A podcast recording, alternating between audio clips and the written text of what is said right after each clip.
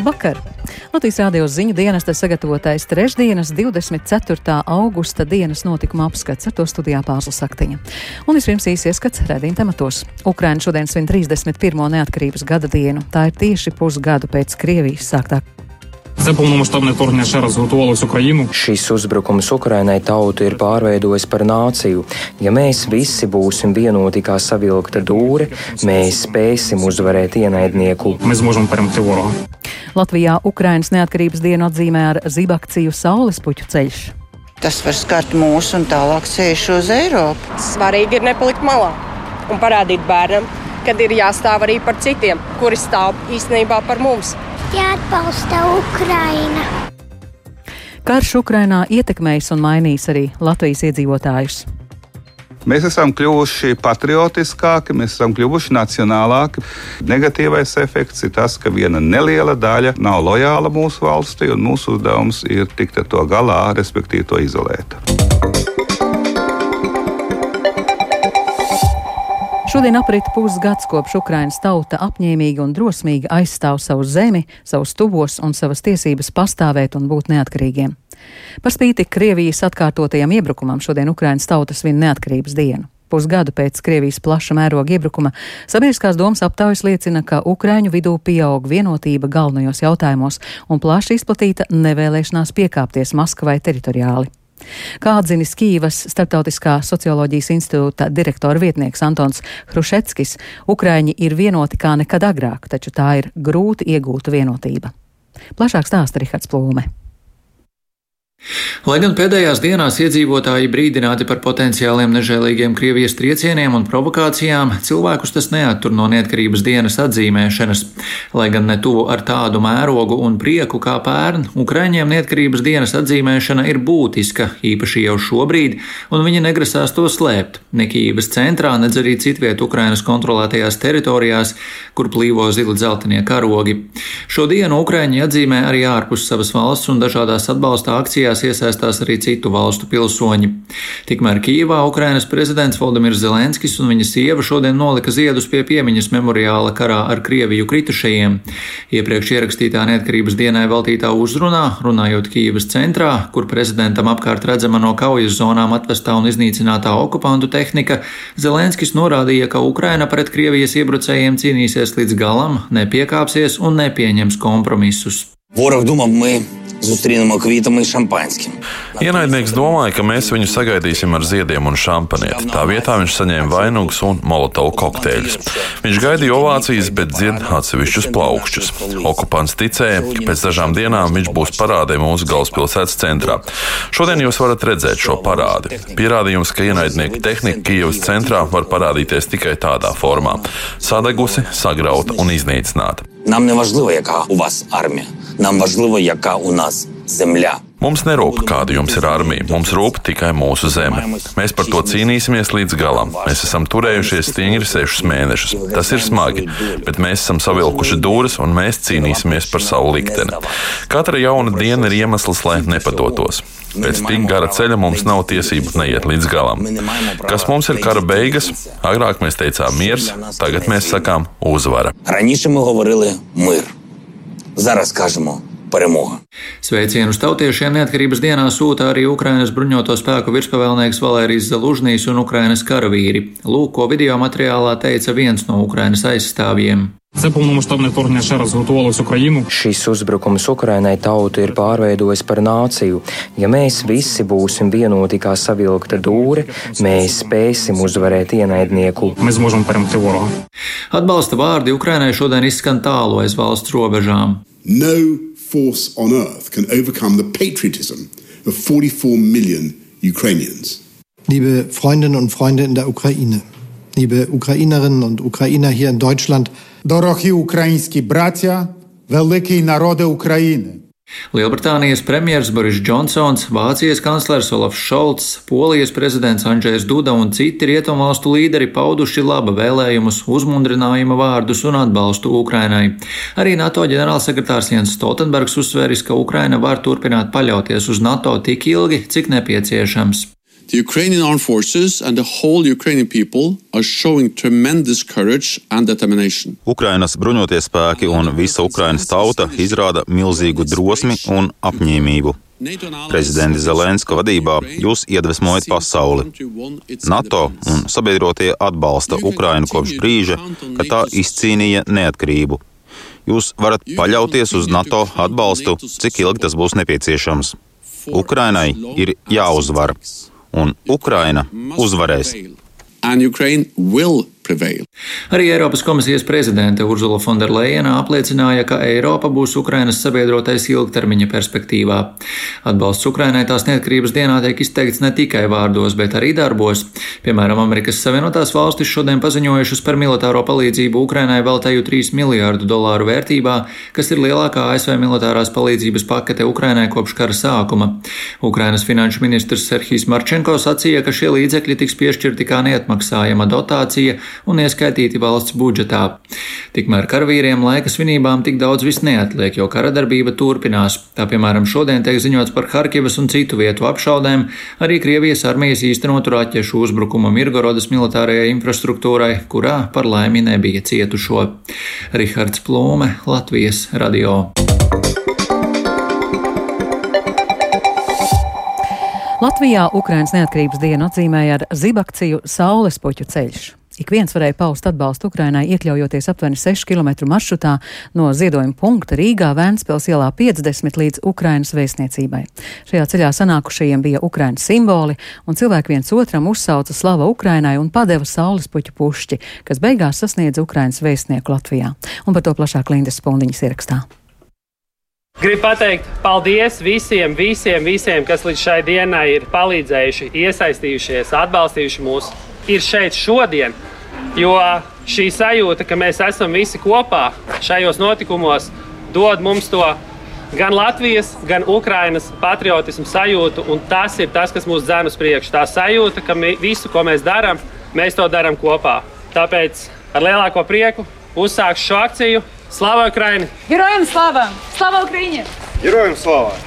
Слава Ukraiņai! Героям слава! Saules puķu ceļu atklāja biedrības tevi draugu vadītājs Uldis Noviks. Sanākušie viens otram nodeva dzeltu no pušķa, kas simbolizē sveicienus Ukrainai neatkarības dienā un pauž atbalstu cīnoties par brīvību šodien. Akcijas dalībnieki izvietojās maršrutā no Ventspils ielas 50 līdz Ukrainas vēstniecībai Kalpaka bulvārī. Atbalstītāji ieradās ar saules puķiem, Ukrainas karogu un simboliku. Kādēļ jūs šodien šeit esat? Nu, es visu laiku jūtu līdzi, jau sākot no Krimas ieņemšanas. Man tas liekas baigi mūsdienās. Man tas neliekas normāli mūsdienās karš. Un, protams, arī tas, ka tas var skart mūsu un tālāk ceļš uz Eiropu. Jo tas ir pavisam nopietni. Tādēļ jūs šodien iesaistāties reakcijā? Protams, es ne tikai šajā akcijā vien iesaistos. Svarīgi ir nepalikt malā un parādīt bērnam, kad ir jāstāv arī par citiem, kuri stāv īstenībā par mums jāatbalsta Ukraina. Mums tas ir svarīgi, tāpēc, ka karš nav beidzies. Ir svarīgi neatslāpt. Skaidrs, ka valda pieredums, valda nogurums, bet mēs nepadosimies. Mēs iesim kopā ar Ukrainu līdz galam. Tā ir mūsu izvēle. Un šī akcija ir kā kārtējais no aicinājumiem pievienoties cīņā par Ukraiņas neatkarību un, starp citu, sveiciens Ukraiņas neatkarības dienā Slavu Ukraiņu. Teica biedrības tavi draugi pārstāvi un akcijas idejas autora Laura Čaupale.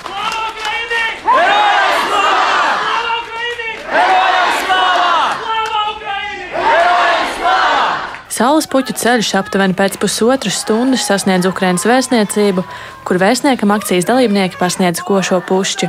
Akcijā piedalījās vairāki desmiti cilvēku. Ir labi, patīkami bija, ka uz ielām arī cilvēki atbalstīja vienkārši braucot garām, mājot no logiem, tur mašīnas signalizēja un viss skaisti. Būtu jauki bijis vēl vairāk. Ja būtu vairāk cilvēku. Jā. Bija tāds sajūta, ka būs vairāk cilvēku doties. Es dabūju nest to galveno saules puķu klēpī, milzīgu gabalu pa pārdaugam, un tas bija. Jūs astēvs sacīs, tas bija aizkustinoši. Tas joprojām ir aizkustinoši, un droši vien, ka es iešu pa to gabaliņu, to es atcerēšos visu. Linda Spundiņa, Latvijas radio. Biedrība Tavi draugi jau kopš kara sākuma aktīvi pieņem iedzīvotāju ziedojumus Ukraiņiem, kaut arī ziedotāju aktivitāte ir mazinājusies, organizācijai darba netrūkst. Par to, kā norit darbs Ventspils ielā 50, Lindas Spundiņas reportāžā. Tā Ukrāņiem svarīgākā daļa ir tā, ka viņi ienāk mūsu angārā. Un tad ir šī brīvbodīte. Šī ir biedrības tavi draugi brīvprātīgā Lienē Āķīta, kuri koordinē ziedojumu noliktavas darbu Ventspils ielā 50. Viņi izrāda brīvbodi, kur ukrāņi var paņemt sev nepieciešamo. Šeit mums pieņemsim ir trauku sadaļa, apģērbs, ir arī apavi. Ja ir vajadzība, tiek dotas šīs higiēnas preces, bērniem pamperi vai bērnu pārtika. Tāpat ir bērnu autosēdeklīši, ratiņi un daudz citi sadzīves priekšmeti. Mums ir tā, tas mēbeļu sektors. Ir ļoti aktīva mēbeļu kustība. Tiek ievests un izvests, ievests un izvests. Tomēr iedzīvotāji vairs tik aktīvi neziedo, kā tas bija kara sākumā. Procentuāli man pat būtu grūti salīdzināt, kā tas bija sākumā un kā tas ir tagad. Ir cilvēki, kas ir viennozīmīgi nolēmuši desmito tiesu no ienākumiem ziedot Ukrainai. Tie tiešām ir cilvēki, kas saprot reālo situāciju, kas nedzīvo fantāziju pasaulē un kas saprot, ka tas nav tik vienkārši. Tas nav Ukraiņas karš, tas ir arī mūsu karš. Ziedot var arī savu laiku, kā brīvprātīgais. Tas ir tieši tikpat vērtīgs ziedojums, cik arī kā finansiāls ziedojums. Martā, aprīlī mēs katru dienu darbojāmies apmēram 30 brīvprātīgie šeit, varbūt pat vairāk. Šobrīd ir tā, ka ir dienas, kad ir kādi desmit, varbūt 15 bet darbs ir visiem. Šobrīd aktuālajie ziedojumi ir skolas somas, sporta apģērbs, rakstām piedarumi. Viss nepieciešamais Ukrāņu bērniem uzsākot skolas gaitas Latvijā. Jūs vairāk šobrīd orientējaties uz uh, Latvijā dzīvojošiem Ukrāņiem vai arī kaut kādas kravas tiek vestas uz Ukrāņu? Kravas tiek vestas uz Ukrāņu, kad ir šie konkrētie pieprasījumi. Piemēram, kā nu patās aizgāja pūre uz uh, Makārijas slimnīcu, jo bija pieprasījums palīdzēt šīs slimnīcas atjaunošanā, un līdz ar to aizgāja logi, durvis. Tad, kad ir šie pieprasījumi, tad mēs fūri teikt, komplektējam un sūtām projām. Arī šobrīd noliktavā stāv gultas slimnīcai, ko vest projām. Biedrības tavi draugi, šie mazo busiņu braucieni šobrīd eh, nav, jo tāpēc, ka preces tiek vestas sadarbībā ar Twitter konvoju, kurī ved eh, šīs mašīnas uz Ukrajinu. Vai šobrīd ir kāds aktīvs pieprasījums? Šobrīd ir pieprasījums no eh, vienas Ukraiņas armijas daļas. Un tad mēs šobrīd komplektējam apģērbu, tieši tā būtu apakšveļa, sausā, ātri pagatavojamā pārtika, apavi, var teikt, kas viņiem ir armijai nepieciešams ikdienā. Arī ir piebraukusi viena smaga automašīna, kas tur ir. Šeit ir uh, lielais ziedojums no veikala Maksima. Viņi mums ziedo pārtiku, higiēnas preces. Var teikt, vērsim vaļā un skatīsimies. Lielie ziedojumi no uzņēmumiem bieži arī atnāk? Bieži vairs nē bet ir mums tādi regulārie ziedotāji. Linda Spundiņa, Latvijas Radio. Aizvadītais pusgads kopš Krievijas pilna apjoma iebrukuma Ukrainā ir pilnībā pārmainījis pasauli, sevišķi Eiropu. Rietumi no sākotnējā apjukuma ir kļuvuši vienoti, Tā intervijā Latvijas rādio atzina valsts prezidents Egils Levits. Viņš norādīja, ka Krievija vēlējās vājināt NATO, bet panākus pretējo. Organizācijai pievienosies divas jaunas dalībvalstis. Nav arī izdevies mazināt Eiropas Savienības vienprātību. Levits uzsvēra, ka Latvijas un pārējo rietumu valstu uzdevums ir visiem spēkiem palīdzēt Ukrainai, lai tā spētu pretoties un gala rezultātam jābūt, ka Krievija atkāpjas no Ukrainas savā teritorijā. Valsts prezidents norādīja, ka karš Ukrainā ietekmēs un mainīs arī Latvijas iedzīvotājus. Viena lieta ir ekonomika, un mēs, tāpat kā visa uh, Eiropa, un es teiktu arī visa pasaule, cieš no šī kara. Mēs neciešam vairāk kā citi. Un tā ir tā cena par to, ko mēs maksājam, uh, lai uh, Ukrāņi stātos pretīm Krievijas agresijai tas atkal ir radījis mums Latvijā, es teiktu tā, augstāku jūtīgumu pret Krievijas klātbūtni Latvijā. Mēs tagad daudz sāpīgāk uztverām, piemēram, krievu pieminekļus, krievu armijas pieminekļus. Mēs esam kļuvuši patriotiskāki, mēs esam kļuvuši nacionālāki, protams, un mēs labāk apzināmies mūsu brīvības cenu, ka tā brīvība nemaz nav tik pašsaprotama Un ir atkal tie cilvēki, nu, galvenokārt krievi, kuri e, dzīvo teiksim, Krievijas informācijas telpā vai ir teiksim, pārliecināti Krievijas pašreizējās politikas piekritēji un arī Krievu imperiālisma, vēsturiskā imperiālisma piekritēji, kas attiecās tieši uz mums, uz Baltiju. Tādu nav daudz. Vakar, piemēram, pie pieminiekļa tur nu, nebija milzīgs, eh, milzīgi daudz cilvēku. 14 cilvēku policijas nu, jā, jā, labi, nu, tas eh, mums ir viens no. Ko darīt ar šo sabiedrības. Eh, daļu? Es domāju, tā ir vienkārši jāizolē. Tā ir, kas sakot, viņi jāizolē. Mūsu uzdevums ir tikt ar to galā. Tā valsts prezidents Egils Levits. Administratīvā rajona tiesa rīt pasludinās saīsināto spriedumu lietā, kurā vērtē Rīgas domas lēmumu neļaut Latvijas Krievu Savienībai rīkot protesta akciju pret padomu pieminekļa nojaukšanu Pārdaugavā. Savukārt pilnais spriedums būs pieejams 9. septembrī, un to varēs pārsūdzēt 30 dienu laikā augstākajā tiesā. Tikmēr Rīgā uzvaras parkā šodien pieminekļi turpināja demontēt, no kompleksa atlicis vien obelisks, kas ir centrālais pieminekļa elements. Turpina Viktors Demīdovs. Par spīti aizliegumam pulcēties un plaši norobežotai teritorijai, arī vakar uzvaras parkā pulcējās vairāki desmiti cilvēku, no kuriem daudzi bija pret padomju pieminekļu nojaukšanu. Daļa iesaistījās konfliktos ar policiju. Salīdzinot ar pirmdienu, pārkāpēju skaits dubultojies, kopumā aizturot 14 personas, turklāt vēl 5 aizturētas naktī. Uz pieminekļa demontāžu ātri reaģējusi Krievijas galvenā izmeklēšanas pārvalde, kas ierosināja risinājusi kriminālu lietu. Izmeklēšanas komitejas vadītājs Aleksandrs Bastrikins esot uzdevis izmeklētājiem dot tiesisko vērtējumu visu to personu rīcībai, kas pieņēmušas lēmumu par pieminekļu nojaukšanu, lai varētu tās saukt pie atbildības. Visā Latvijā uzsākta padomju un nacistisko režīmu slavinošo objektu demontāža un iznīcināšana. Saskaņā ar valdības lēmumu 69 īpaši izveidotas komisijas izvērtēti pieminekļi līdz novembra vidum ir jādemontē un jāiznīcina obligāti. Par citu līdzīgu objektu likteni pašvaldības var lemt pēc saviem ieskatiem. Cilvēki, kam rūp vēstures liecību saglabāšana, aicina lēmumu pieņēmējus tomēr ļoti uzmanīgi izvērtēt katru iznīcināšanai nolemto objektu, jo tas var izrādīties daudz sarežģītāks vēstures liecinieks nekā sākotnēji šķiet. Tāda bija, piemēram, aizdītajā nedēļā Ropažu novadā demontētā granīta tēla ar uzrakstu Rīgas atbrīvotājiem, kas nu jau sadrupināta. Plašāk Bābas Košķis ierakstā. Ļoti patīk, ka mēs atkal redzam, tā ir pati vieta. Tas ir Mihails Parahins, Rīgas lielo kapu vēstures entuziasts. Viņš grib parādīt, kādas izskatās vēsturiskās kapu pieminekļu stēles, kas uzstādītas 19. gadsimta beigās un 20. gadsimta sākumā.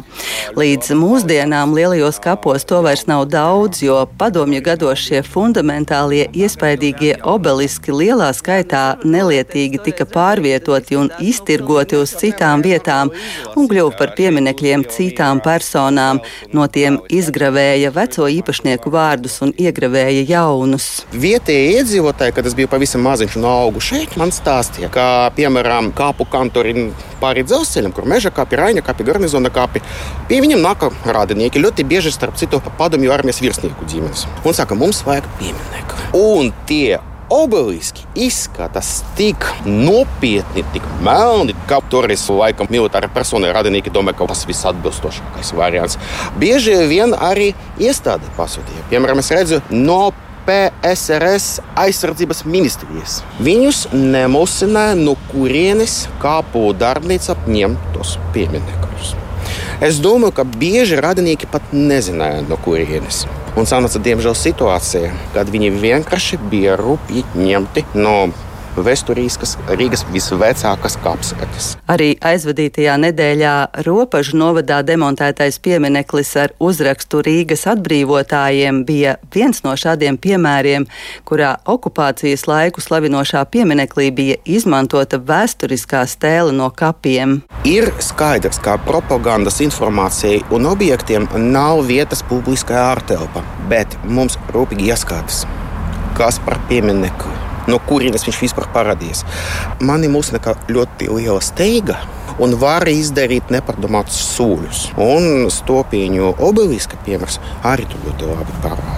Man liekas, gan pašvaldības intereses, gan visas sabiedrības intereses to pieminiektu saglabāt. Stopiņu pagasta teritoriālās pārvaldes vadītājs Aldis Grundes stāsta, ka stēla tika piedāvāta gan kara muzejam, gan okupācijas muzejam, bet atsaucības nebija, un tagad jau tā ir iznīcināta pilnībā, jo to paredzot likums. Ar to stēli noticis tas, ka viņa ir sadrupināta likums paredzēja to tā darīt, lai mums nebūtu nekādas atgrieziskās saites. Juridisko šķēršļu dēļ demontēto stēlu vairs nebija iespējas savā pāraudzībā paņemt arī Rīgas pieminekļu aģentūrai, kaut arī tā labprāt to būtu darījusi, jo šāda melna obeliska aģentūras glabātuvē līdz šim nav bijis, atzīst aģentūras galvenā speciālista Guna Vainovska. Stēles ir nozīmīgs vēsturiskais mantojums, no kura jau līdz šim daudz daudz kas ir gājis zudībā. No lieliem kapiem viņas ļoti daudz ir aizvestas projām.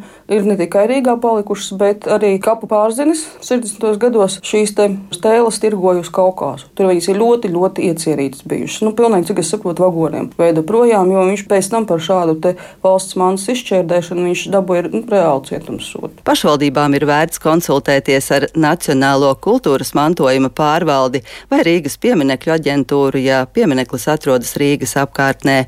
Baiba Kušķe, Latvijas radio. Un vēl dažas ārzemju ziņas. Rekordlielās musonu lietavas šovasar Pakistānā izraisījušas episka mēroga katastrofu. Tā paziņoja Pakistānas klimata pārmaiņu ministre, piebilstot, ka valsts vērsīsies pēc starptautiskās palīdzības, lai tiktu galā ar plūdiem, kuros kopš jūnija ir gājuši bojā jau vairāk nekā 800 cilvēku. Igadējie musonu lieti ir būtiski kultūra augu apūdeņošanai un ezeru un aizsprostu atjaunošanai visā Indijas subkontinentā, taču katru gadu tie līdz nes arī iznīcību. Un arī šodien lielu daļu Pakistānas turpina skart spēcīgs lietus. Pēdējo 24 stundu laikā bojā gājuši vairāki desmiti cilvēku, tostarp deviņi bērni. Stāsta Rihards Plūme.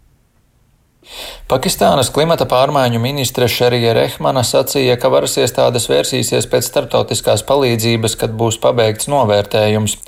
Pēc viņas teiktā, ņemot vērā katastrofas mērogu, nav šaubu par to, ka provinces vai pat galvaspilsēta Islamabada vienas nespēs tikt galā ar šāda mēroga klimata katastrofu. Pakistāna ir astotā to valstu sarakstā, kuras tiek uzskatītas par visneaizsargātākajām pret klimata pārmaiņu izraisītiem ekstrēmiem laikapstākļiem. Šī gada sākumā liela daļa valsts vēl bija karstuma viļņa varā, temperatūrai sasniedzot pat 51 grādu pēc Celsija, bet tagad jācīnās ar plūdiem, kas kas appludinājuši mājas un aiznesuši ceļus un tiltus, kā arī prasījuši mājlopu un cilvēku dzīvību. Bet Ķīna piedzīvojot karstāko vasaru novērojumu vēsturē, Ķīnas varas iestādes brīdinājušas, ka rudens ražu valstī nopietni apdraud augstā gaisa temperatūra un sausums. Pasaules otro lielāko ekonomiku šovasar ir skārusi rekordaugsta gaisa temperatūra, pēkšņi plūdi un sausums. Šīs parādības, par kurām brīdinājuši zinātnieki, klimata pārmaiņu dēļ kļūst arvien biežākas un intensīvākas. Turpina Rihards Plūme. Temperatūrai sasniedzot 45 grādus pēc Celsija, vairākas Ķīnas provinces ievieš elektroenerģijas padeves pārtraukumus, jo pilsētām ir grūti tikt galā ar elektroenerģijas pieprasījuma pieaugumu, ko daļēji izraisa cilvēki, kas darbina gaisa kondicionierus. Savukārt četri valdības departamenti izdevuši paziņojumu mudinot saglabāt katru ūdens vienību, lai pasargātu labību. Ķīna ražo vairāk nekā 95% no patērētajiem rīsiem, kviešiem un kukurūzas, bet samazināta raža var nozīmēt palielinātu pieprasījumu pēc importa, tādējādi radot papildu spiedienu uz globālajām piegādēm, kuras jau tā ir noslogotas Ukrainā notiekošā kara dēļ.